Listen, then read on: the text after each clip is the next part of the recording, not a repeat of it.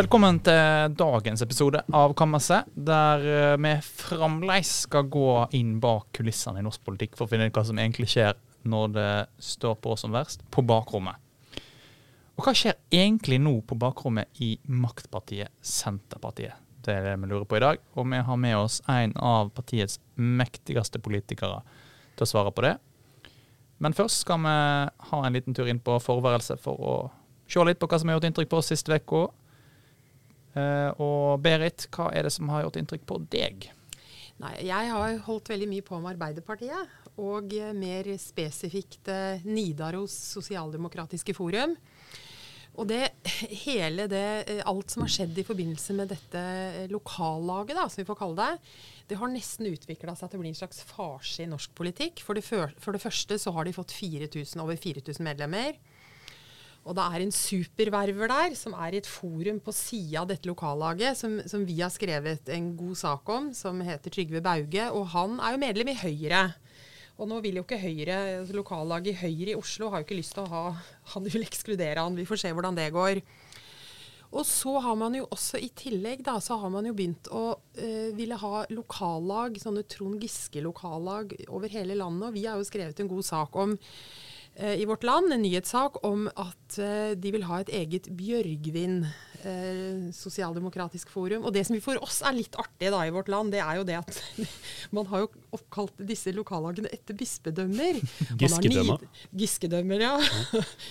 og man har da Nidaros og Bjørgvin, og vi lurer på hva det neste blir. Blir det Borg? Blir det Nord-Hålogaland? det får vi se. Eh, men det er i hvert fall eh, Det er jo spennende å se hva som skjer fram til landsmøtet. Og det er jo blitt en ordentlig konflikt, og dette går jo i alle kanaler. Men det som er liksom interessant, er jo at folk vi snakker med i Arbeiderpartiet, ikke bare sentralt, men også landet rundt, er jo begynt å bli mektig lei av det her. Så det er en det er spennende å se hvordan dette utvikler seg frem til landsmøtet. og Det er vel ikke siste nyhetssak verken i vårt land eller andre steder om dette lokallaget. Jeg vet ikke hva du sier, nyhetsredaktør. Jeg kan stadfeste at det kommer mer eh, nyhetssaker om eh, Nidaros. Eh, det er bra å følge med på. Mm. Eventuelt eh, Tunsberg sosialdemokratisk forum. Ja, ikke sant? Kanskje Borg sosialdemokratisk forum. Ja. Eh, ja, vårt Giskeland. Vi går, vi ruller videre. Lars Inge, har du fått med deg noe fra siste uke? Ja. Eh, dette er jo litt mer alvorlig, da. Eh, men okay. jeg begynte å lese den boka til en bok som heter 'Fred eller krig' av eh, Mikhail Sjisjkin, eh, som har fått gode anmeldelser, bl.a. i vårt land. som snakker om hvordan det er å vokse opp i Russland, og hvordan det som skjer nå, er en, på en måte en forlengelse av noe, et utviklingstrekk som har sittet i Russland lenge hvordan alle russiske borgere har på en måte vært et offer for statens eh, makt i lang tid, og hvordan det er mer kontinuitet eh, fra sovjetstyret til Putin-styret enn eh, vi liker å presentere det som i Vesten. Veldig interessant. Anbefaling. Og jeg sjøl, jeg uh, må si at det som har gjort mest inntrykk med siste uka, er jo at Arne Treholt uh, døde. Og eh, nå er jo det en eh, Har det vært en oppheta og intens eh, debatt etter hans eh, død. Eh, det har jo blussa opp med jevne mellomrom, eh, selv om dette skjedde lenge før jeg ble født. Så har jo jeg fått med meg debattene om Treholt med jevne mellomrom de siste årene òg. For det har blitt lagd podkaster og dokumentarer, og bøker har blitt skrevet og andre ting. nå er det jo sånn at det å snakke om noen som er døde, er jo kanskje ikke så i Norge iallfall. Da, da snakker vi veldig fint om dem. Eh, mens i Storbritannia der har de en eh, nekrologkultur som er ganske mye mer infam og brutal. Eh, og det kanskje, har kanskje noe for seg, fordi vi må jo snakke sant om de som eh, eh forsvinner. Eh, og, og Treholt ja, for Det som gjorde mest inntrykk på meg, det var i går, når en kunne se hva russiske aviser eh, statskontrollerte russiske aviser skrev om Treholt, og de hylla han da som en sovjetisk spion. Og jeg tenker at eh, Med det så er debatten om Treholt eh, lagt død. Det tror jeg ikke. Men uh, jeg, jeg, tror, tror ikke debatten er død, nei. Men jeg tror han kanskje avtar litt. Ja, det er iallfall et kraftig nok, argument. Den, dukker nok opp igjen, altså. Den gjør nok det. Men ja. jeg må bare si når vi snakker om dette her, jeg har fulgt for Aftenposten da, den gangen jeg jobba der, har jeg fulgt Treholt en dag på Kypros. Det er noe jeg sjelden kommer til å, ikke kommer til å glemme. altså. Ja. Rundt der et, Det var når saken hans Han ønska at saken skulle gjenopptas, og så blei den ikke det. Mm. Så det var, en, det var, en, dag som jeg syntes var litt interessant å ha fått med seg. Da skal vi inn på kammerset, og uh, der sitter det en uh, luring og venter på oss. Velkommen til deg, uh, Geir Pollestad. Du er jo en av de mektigste politikerne i norsk politikk om dagen. Og i kraft av rolla di som parlamentarisk nestleder, finanspolitisk talsperson i Senterpartiet, og mange tror at det egentlig er Trygve som bestemmer, men det er jo du annet som styrer sjappa til Senterpartiet i Stortinget. Hva, du kommer rett fra Stortinget nå. Hva er fremst i pannevasken? Nå er det veldig mange ting som skjer. Uh, men, men, det er jo litt sånn et snev av normalitet eh, over ting. Eh, vi har jo f.eks. ingen pågående budsjettforhandlinger. Det hadde vi jo i hele fjoråret. Så var det jo bevilgningspropp og bevilgningspropp oppå hverandre. Eh, så det virker jo som liksom alt skjedde, alt veldig mye handler om SV, da. og hva SV gjorde i forhandlinger med oss. Og selv om de ikke fikk gjennom altså, forhandlingene var sånn Regjeringens forslag gikk uendra gjennom, så skapte det veldig inntrykk av at det, vi danset hva heter å danse etter SVs i pipa. Eh, så, så, normaliteten er der nå. Eh, men så er det klart det er jo òg en unormalitet med Ukraina-pakke. Eh, ganske krevende ting knytta til den økonomiske politikken. Altså Bare noe så enkelt som spørsmålet går det bra for næringslivet i Norge, eller går det dårlig. Eh, er ganske vanligvis det være lett å svare på. Nå er det helt umulig å svare på.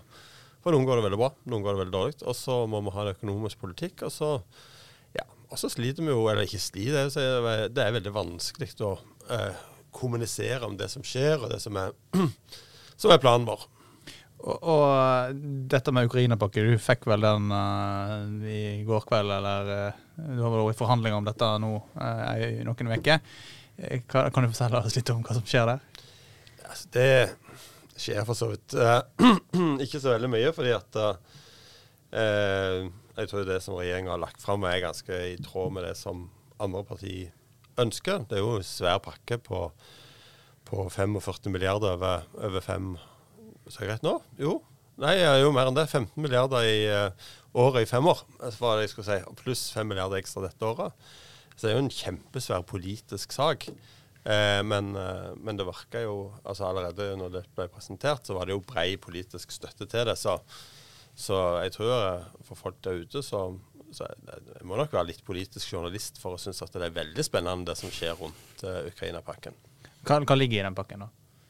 Nei, det ligger jo uh, et betydelig militært bidrag. Det ligger et uh, humanitært bidrag. og så ligger det for dette året og 5 milliarder kroner til bistand i, i sør. Eh, og det er jo eh, det er så rart, for at Frp gir jo uttrykk ut av at de er kritiske til dette. Men det er jo, det er jo liksom bistand etter Frp-metoden om å hjelpe folk der de er.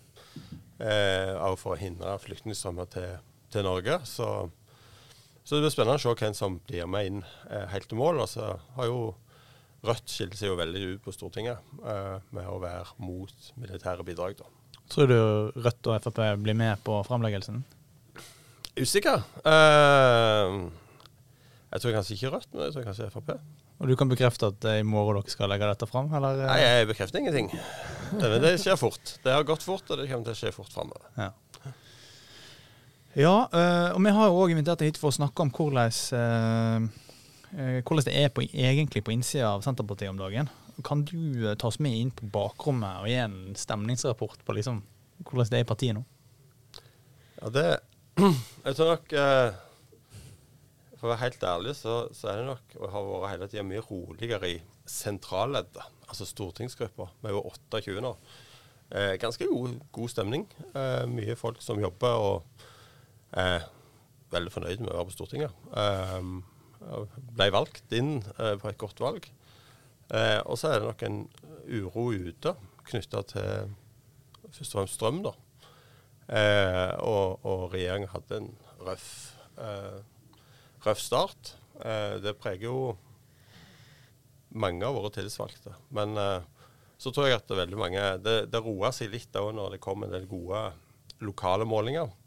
Eh, så jeg føler jo nå at vi har litt sånn fast grunn under beina. Eh, og det var det ikke alltid i fjor at en opplevde at en hadde. Ja, hvordan Men, var det da når du opplevde at du ikke hadde fast grunn, grunn under beina? Nei, det var Det var vel som å gå i synkesand. Altså, du, du, måtte springe for ikke Altså, du hadde lyst til å stå stilt, men, men du måtte springe. Du måtte gjøre ting. Eh, og ikke at det nødvendigvis hjelpte, da, men, eh, men en måtte det, for det var ikke et alternativ å ikke gjøre noe. Eh, men det var jo frustrerende. Men dere har jo eh, noen måneder før valget så lå dere oppe rundt 20% på målingene. Og selv om dere gjorde et godt valg, hadde dere jo gått ned fra, fra, fra det tallet.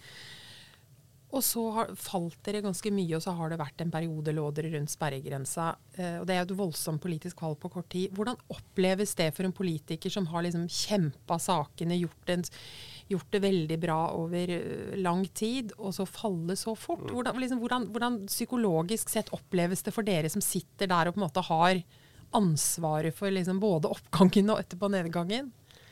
Det er jo, eh, det er jo frustrerende. Altså er jo Fordelen når en har vært med en stund, da, er jo at en kan uh, tenke tilbake til noen øyeblikk en hadde på vei opp. Uh, jeg husker jo veldig godt når vår første måling i Dagens Næringsliv hadde 9 Da tenkte jeg bare nå må vi kose oss.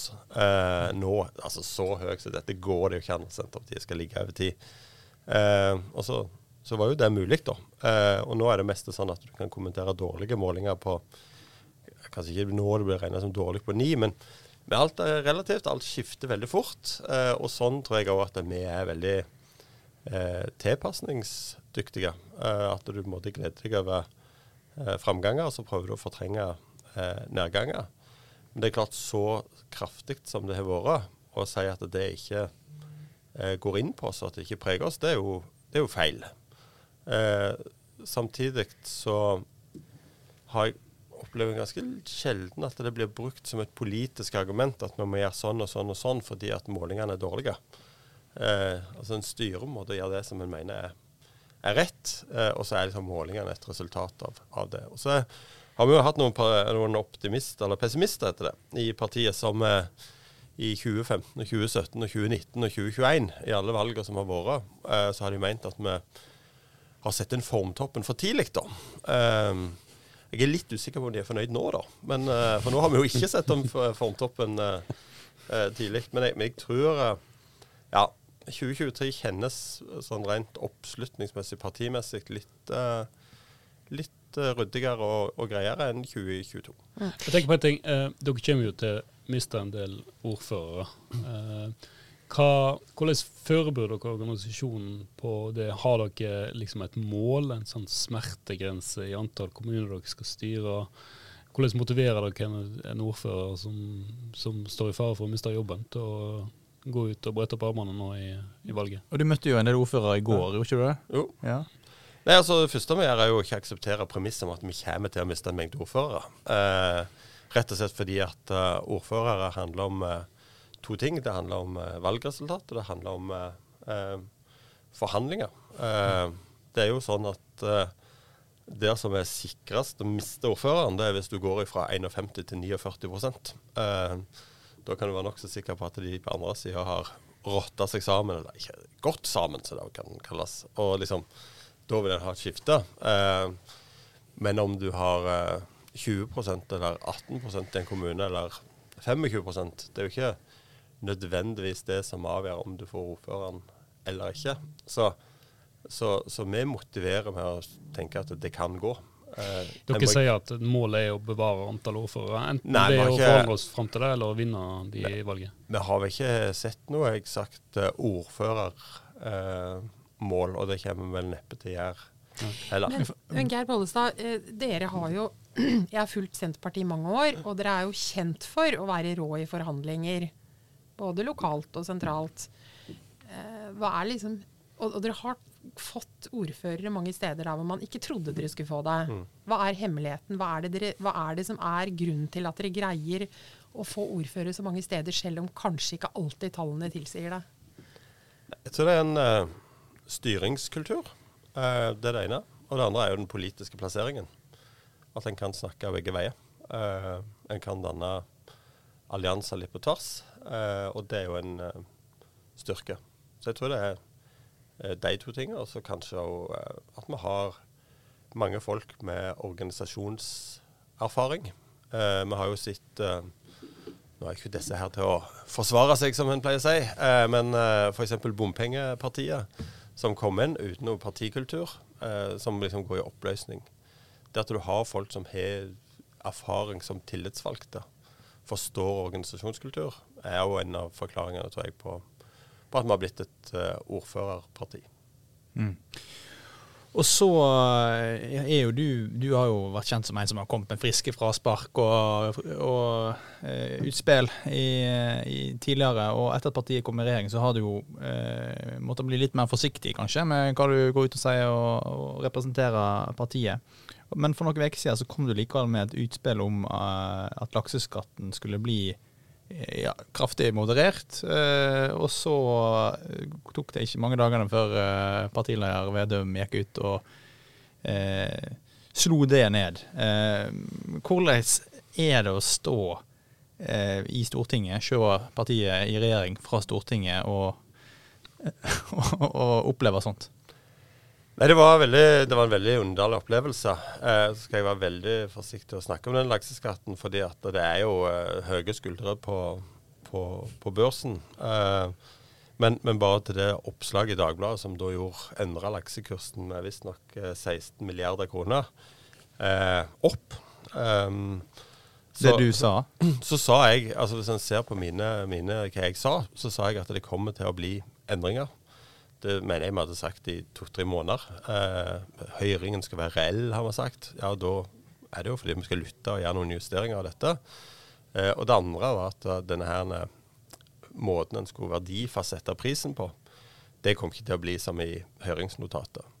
Eh, den lille detaljen at Finansdepartementet hadde sendt ut et høringsutkast om å endre den måten allerede, det var liksom ikke nevnt i, i saken. Eh, så så, så, jeg opplevde nok at det var en ikke-nyhet som sendte børsen eh, 16 milliarder opp. Og så var det noen eh, anonyme kilder, og de eh, kan ikke jeg eh, ta, ta, ansvar for. Men det var nok kanskje i hovedsak det som, som gjorde eh, at børsen, børsen hoppa. Men, men, det er en rar følelse, og det er jo en, men det er jo en viktig påminnelse om eh, at vi har en sentral rolle i, i samfunnet og i samfunnsutformingen. Mm. Men, men, altså, du, du, står jo skolerett for Senterpartiet i Stortinget eh, og ser på hva eh, regjeringa foretar seg, og Senterparti-statsrådene i regjeringa. Nå begynte lunsjen i naborommet, så Lars Inge skal bare lydoptimalisere. Um, hvordan er det når du da ser eh, statsrådskollegaene, eller statsrådene fra Senterpartiet, dine partikollegaer, i regjeringa? Er det sånn at du Frustrerer du deg litt over, hvordan partiet foretar eh, prioriteringer og vurderinger underveis? Eller er, sånn som TikTok-saken, f.eks. Er, er det ting du skulle vært eller, Hvordan er det å være stortingsrepresentant og, og se på sånt? Jeg tror, altså En blir jo litt herda, da. Eh, og en har, jo, en har jo sett mye når en var i opposisjon òg, fra motsatt eh, eh side. Og eh, vi har jo alltid blitt formana av, eh, når vi var i opposisjon òg, av, eh, av uh, Trygve at uh, når det dukker opp saker som f.eks. Uh, TikTok-saken, da, men det har jo vært, var jo mange under forrige regjering òg, så ja, det, det, er enkelt få, det er enkelt å få et, et oppslag i presse da man må ut og mene noe. Men er det egentlig det vi vil? Er det egentlig der vi vil drive politikk? Eh, så jeg har vært veldig tilbakeholden i alle saker å kritisere folk som har trøbbel med reiseregninger eller uh, pendlerboliger eller sånt, fordi at ja, plutselig en dag står en der sjøl. Eh, og da kan det jo være greit eh, at en ikke har vært den største drittsekken på, på, Stortinget. Og så er det jo med denne regjeringa at selv om vi, vi sliter jo ute på målingene og sånn, men selve inne i stortingsbygget så har vi jo stålkontroll. Altså Eh, de fleste sakene som eh, regjeringa legger fram, får eh, flertall. Og en har jo en opposisjon som er veldig veldig sprikende. Det så en jo i når det var ekstraordinært møte om strøm, f.eks. Så alle var enige om det skulle ha et eget møte. Men en ble ikke enige om så mye. Så, så, på Stortinget så vil jeg påstå at vi er, har mer kontroll enn vi hadde når vi satt med flertallsregjering. Mm. Men du, jeg har et spørsmål. Eh, jeg har for så vidt eh, i hvert fall to. Men en ting jeg bare lurte på når du satt og snakka i stad. Når det blir så store endringer på børs, du sa et tall som 16 milliarder. Hvordan kjennes det når du går hjem og legger deg den kvelden, når du ser at det har skjedd, liksom? Hva, og, og, du liksom, og du blir kobla til deg. Hvordan opplevelse har du som stortingsrepresentant og person Geir Pollestad? Får du sove om natta, liksom? Ja, ja jo. Eh, men, men, det er jo noen ganger som altså Det kan være én sak, men òg det at du har gitt et intervju, og så er du kanskje på framsida i altså Nå er jo ikke papiraviser så stort lenger, men, men du er kanskje på framsida av vg.no, da, der er masse folk som leser, så, så, får du jo litt sånn Oi. Eh, den der følelsen at uh, Men da, da, er jo løsningen altså eh, ringe til noen, ta kontakt med noen som du måtte stole på. Og si, Hva syns du egentlig om det der? Altså Hvis de mm. sier nei, det var jo ikke noe bra, men det går over. Uh, så, så, er det liksom Du må bare forholde deg til det. Uh, og så er det den der trua på at det uh, hukommelsen er kort. Men du, en ting til, og det her er litt et spørsmål som går liksom tilbake til den kanskje litt sånn tida før dere blei valgt, altså forrige valg. Det har vært flere som har sagt at Senterpartiet, Trygve, du, det har vært flere navn i Senterpartiet som har vært nevnt, har, er populister. Hva tenker du om den typen beskrivelser av dere og av Senterpartiet?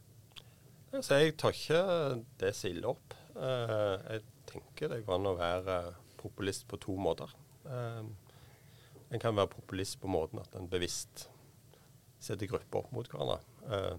Den tidligste populisten var jo eller Carl I. Hagen med alenemødre fra Finnmark. Uh, Sette det opp som en fiendegruppe. Det var jo en, en, type populisme. Men det å lytte, være til stede, eh, foreslå ting, eh, så kan jeg gjerne kalle det for populisme. og eh, Ja, eh, det har nærmest vært en naturlov at f.eks. enkelte avgifter skal økes. Eh, hvis ikke er du liksom uansvarlig, enten det er drivstoffavgift eller hva det er. Men, men eh, så har det blitt også sagt om populisme på en måte, hvis du vil gjøre det, at du vil kutte. Men, eh, men jeg er litt usikker på om Kanskje en har litt for lett å bruke populismekortet. Eh, og hvis en bruker det, så er det ikke jeg er ikke så overbevist om at det må være en negativ ting. Det kan jo òg være eh, et uttrykk for at en er i kontakt med den hverdagen som folk opplever. Et, et spørsmål. Um, apropos å lytte til folk. Hvor lenge kan dere vente med å legge fram en uh, endring i strømstøtten? Det uh, får du ikke noe antall dager for for meg. Med, med det som er rart, er at vi fikk jo uh, kritikk når strømstøtten kom, for at vi på en måte brukte lang tid.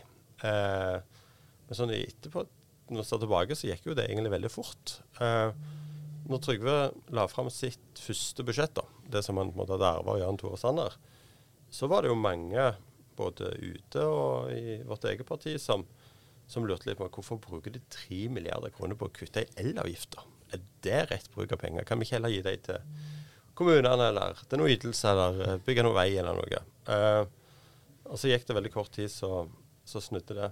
Men uh, Har dere god tid, da?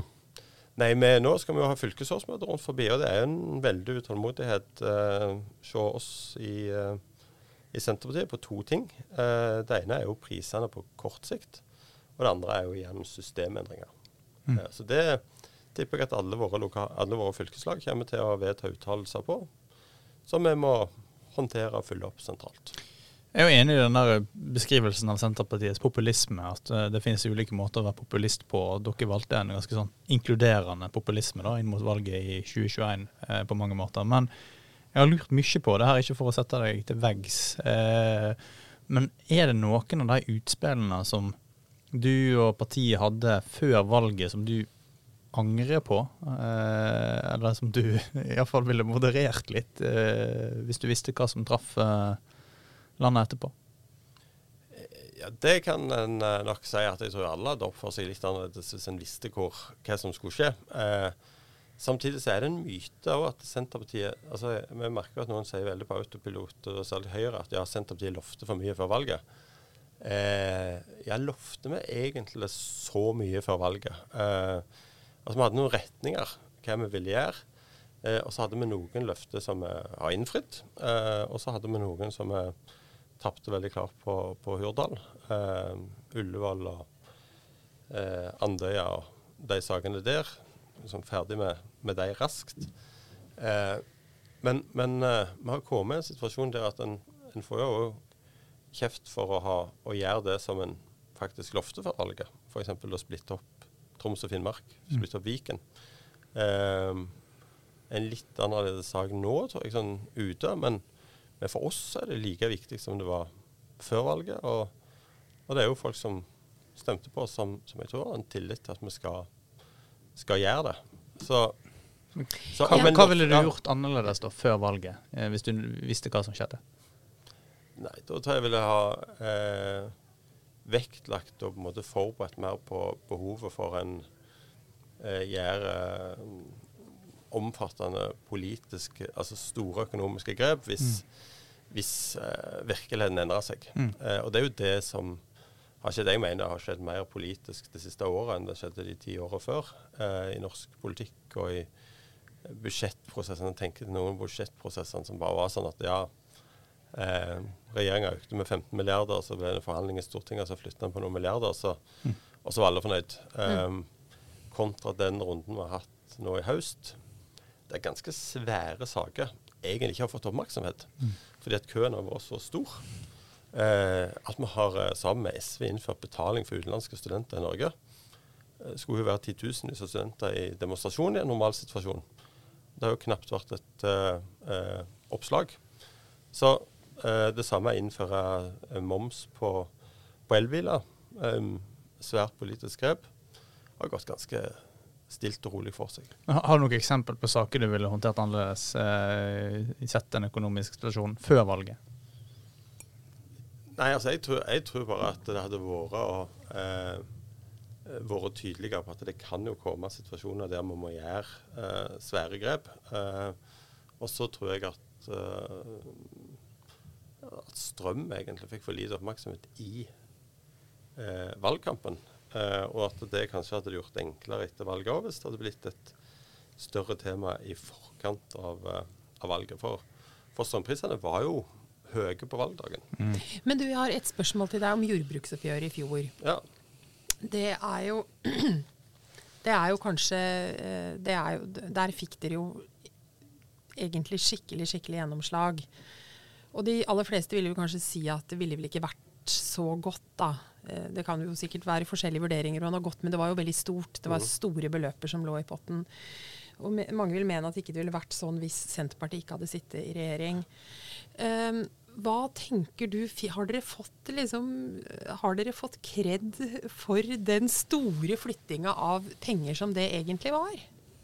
Eh, nei, uh, overhodet ikke. Uh, og det, det, skyldes jo delvis altså, En ting var jo når vi liksom innså at dette tallet kommer til å bli over 10 milliarder kroner.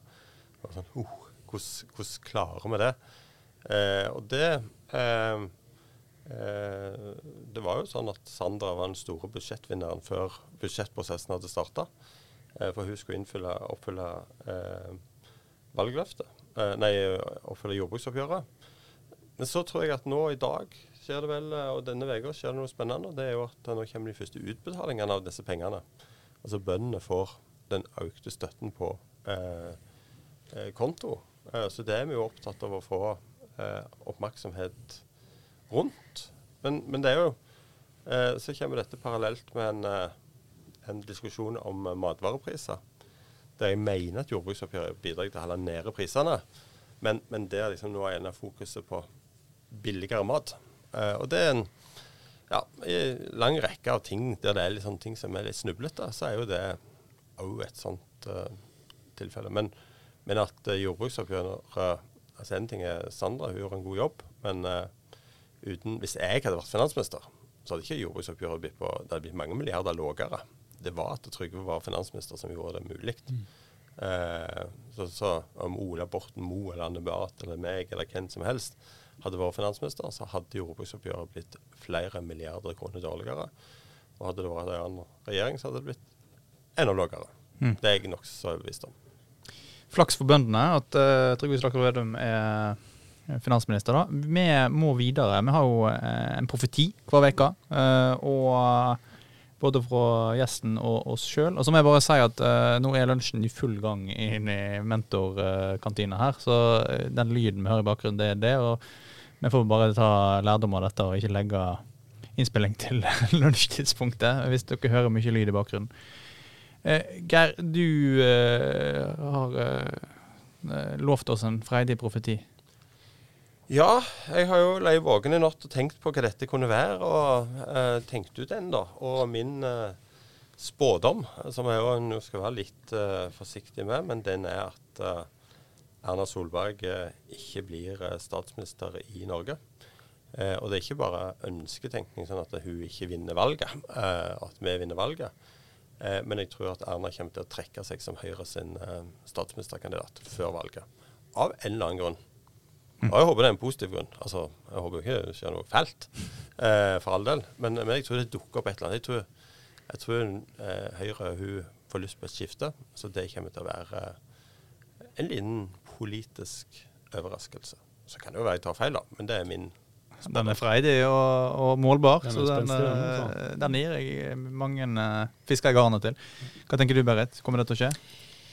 Nei, Det syns jeg er vanskelig å si. Altså, jeg har jo ikke trodd at Erna ville uh, på en måte gå den veien tidligere. Men vi hadde jo henne her for noen uh, uker siden, og da virka hun jo veldig tent. Så jeg syns det er vanskelig å si. Men, men om det, dette skjer, det er ja, nei, det er en freidig og spenstig profeti. Så det blir spennende å se, altså.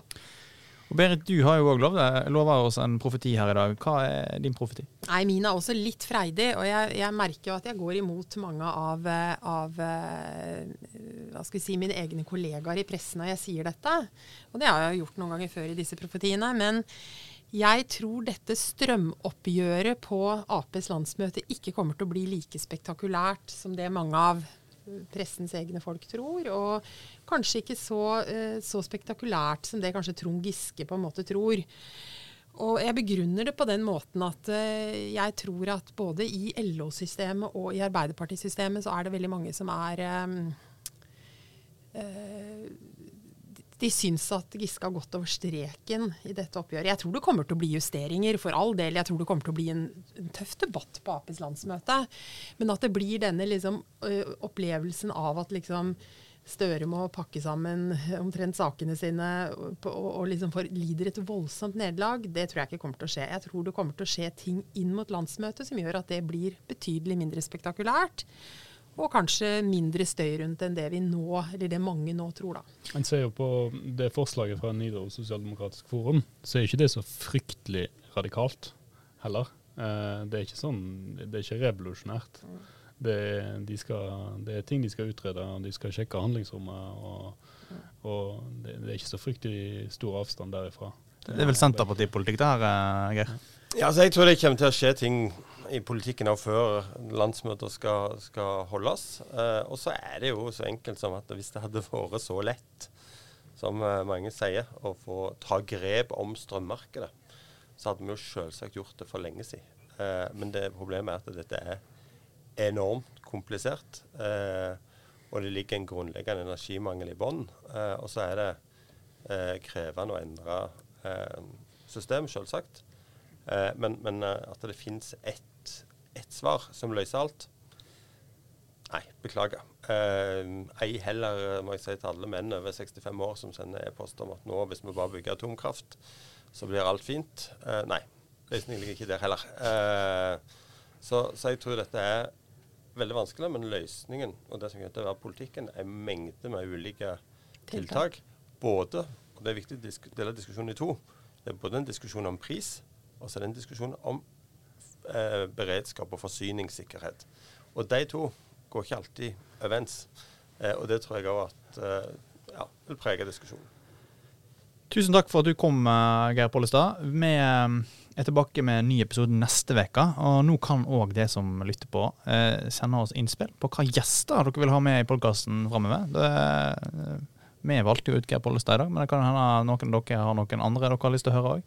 Eh, send iallfall eh, innspill til kammerset.alfakrøll.vl.no, og så er vi med veis ende. Og takk for at dere lytter, og send oss gjerne ris, ros, tips eller innspill òg. Så er vi tilbake med en ny episode neste uke.